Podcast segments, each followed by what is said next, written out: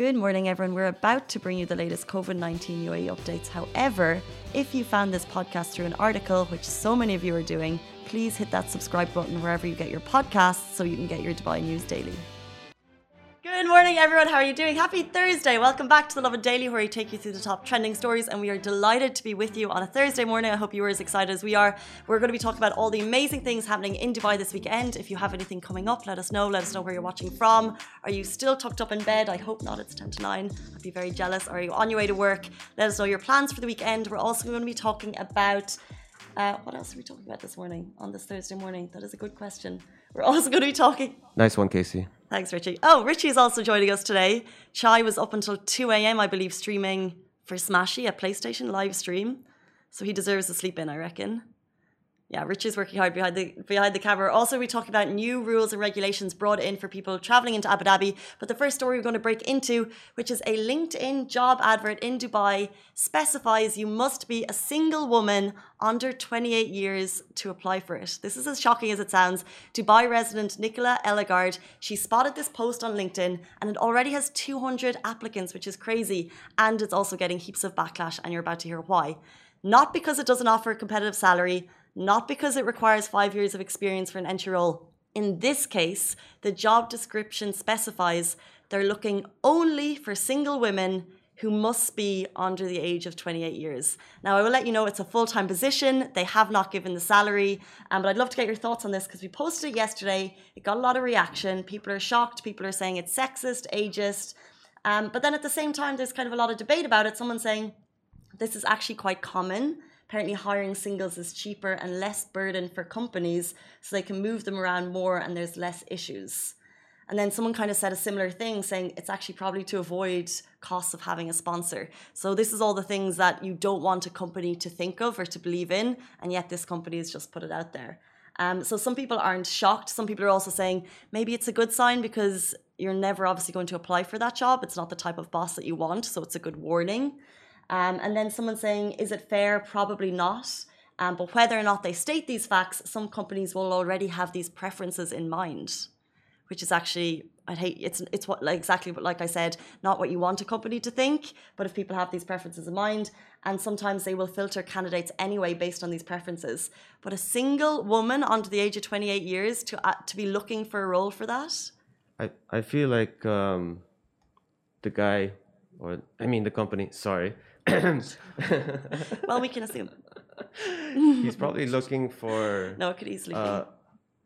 Someone who just graduated, but could be someone who's. This is the thing, right? They want experience, but you gotta be fresh.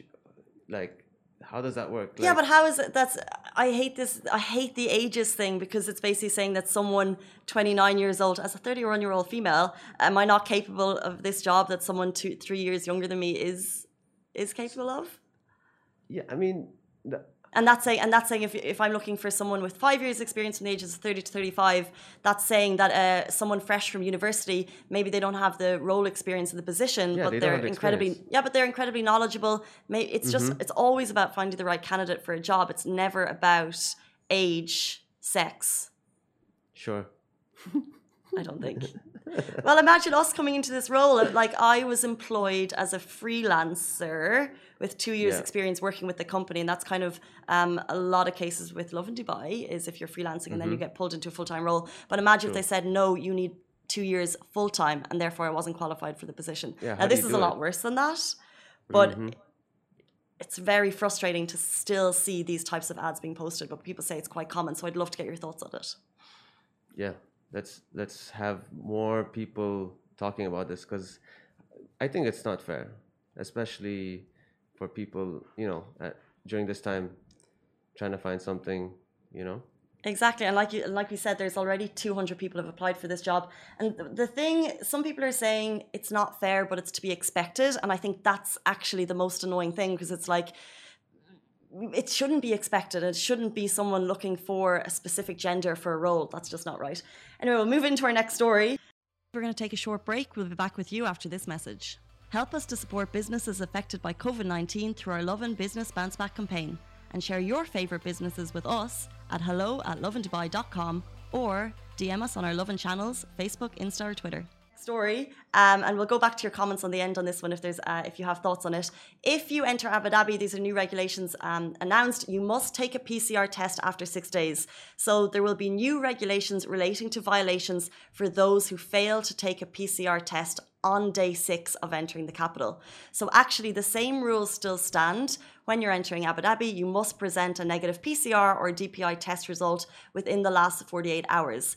And then anyone who enters and stays on must take another PCR test on the sixth day. So the entry regulations haven't changed. What Abu Dhabi is saying is that there will be new regulations relating to violators. So if you get your test and you enter Abu Dhabi and you have your negative test, remember to get that PCR test six days later. I feel like it's nearly the type of thing that could slip your mind. But Abu Dhabi Media uh, Office reported last night, don't let it slip your mind, excuse me, do not let it slip your mind. Definitely get the test six days later.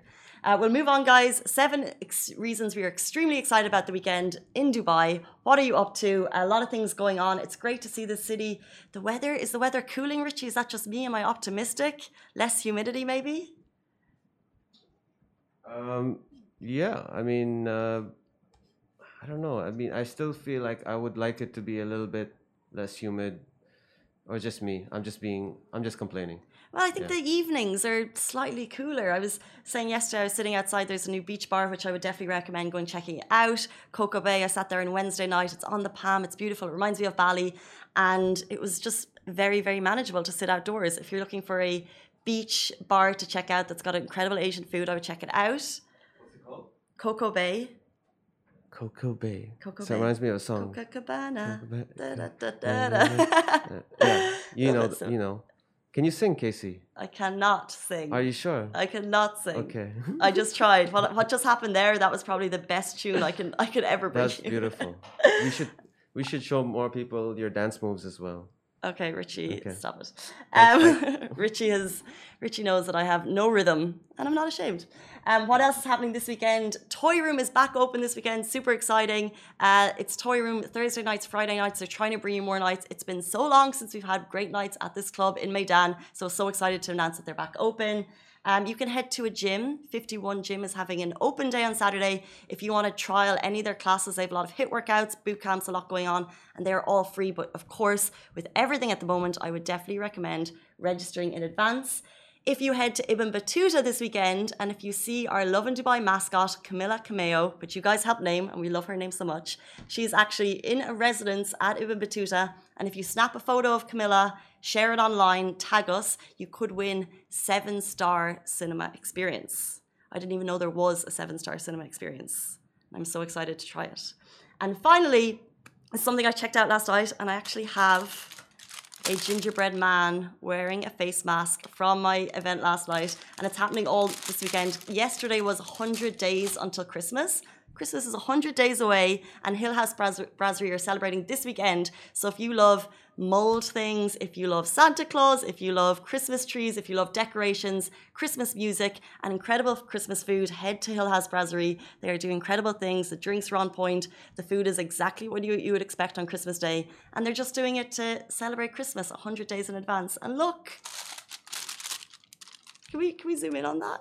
He's a mask. Just, just give me a second. Let me zoom in. He's wearing a face mask.